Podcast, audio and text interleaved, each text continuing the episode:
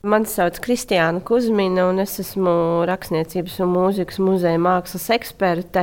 Un šodien es vēlos jums jautāt, vai jūs zināt, kāds ir dzējoļa baiga vasara noslēpums? Tad, kad 1995. gadā dziniece Veronika Strēlere aiziet mūžībā, viņas dēls Pāvils Johansons dodas uz Stokholmas banku, un uh, tur no viņas seifa izņem nelielu, ļoti necilu, vienkāršu kartonu kastīti, kurā Veronika Strēlerte ir glabājusi Edvards Virzes un Andreja Johansona vēstules, un arī Edvards Virzes dzējoļus, kas ir iekļauti krājumā pēdējās dzējas. Starp šiem dzējoļiem ir hrestomātiskais dzējolis Baiga vasara, taču oriģinālā tam ir cits nosaukums - mīļajai Veronikai. Nu, lūk, šī dzīsloņa noslēpums ir tāds, ka patiesībā jau tas ir tiešām rakstīts, nepiepildīts mīlestības dzīslis Veronikai Strēlertei. Edvards Vīrza šo dzīsli ir sarakstījis 1930. gada lieldienās. Tas ir trīskāršs simbolisks laiks, lieldienas kā Kristus augšām celšanās laiks.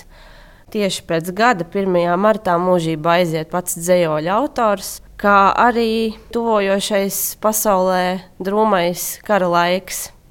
Šis ir viens no mistiskākajiem dzējojumiem latviešu dzīslas vēsturē, jo neraugoties uz to, ka tas ir mīlestības dzējolis, tam ir tāda savāda un varbūt tikai paša autora dziļā zemapziņā nojaušama tā kara tēma un Latvijas vēstures baisais laiks, ko viņš tur ir izjutis. Tas ir neatbildēts mīlestības sāpes pret šo kara tematiku. Un tad, kad dzinieks radīja šo dzējoli, ko viņš arī pēcāk nosūtīja Veronikai rokrakstā, tad dzinieka meita Amarillis Liekna atcerās, ka tēvs agri no rīta ienāca istabā satraukts ar dzējoli rokā un teica: Paskatieties, ko esmu uzrakstījis! Kāds it kā vadīja manu roku.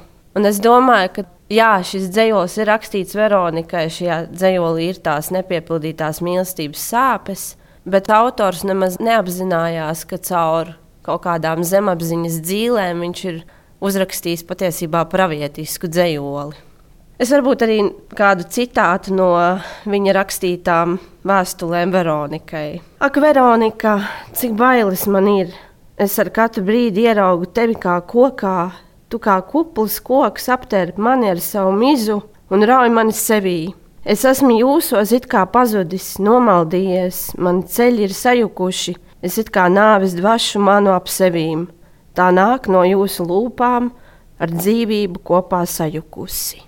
Tas nosaukums Baiga vasara dzējolim tiek dots tajā brīdī, kad šis dzējolis tiek publicēts. Tas patiesībā ir ļoti dīvaini, jo tas noslēpums tiešām saglabājies līdz šiem laikiem. Ja šim dzīslim pirms nosaukuma baiga vasara būtu slīprakstā rindiņa mīļajai Veronikai, tad arī lasītājiem būtu ar vienu radies jautājums, kāpēc šis dzīslis ir veltīts Veronikai Strēlertei. Bet nekur jau publikācijās tas nav parādījies. Līdz ar to sabiedrība joprojām domā, ka tas ir rakstīts tiešām pravietiskās nojausmās par kara tuvošanos. Nu, kad es šo dzējoli lasu, tad par spīti tam faktam, ka tas ir mīlestības dzējolis, es kaut kā tomēr vairāk uztveru to pravietisko tēmu, to kara tuvošanos.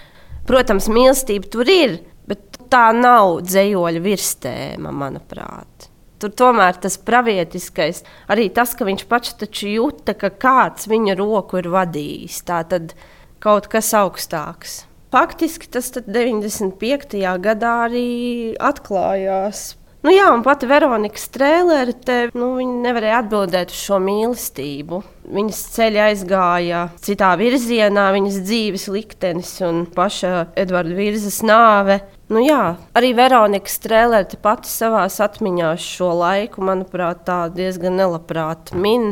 Viņa par to faktiski nav tā izteikusies vairāk. Fakts gan arī tāds, ka pirms došanās bēgļu gaitās 44. gada beigās, 45. gadā Veronika Strēlerte pāraksta Edvarda Vīrezes vēstules uz rakstāmašīnas.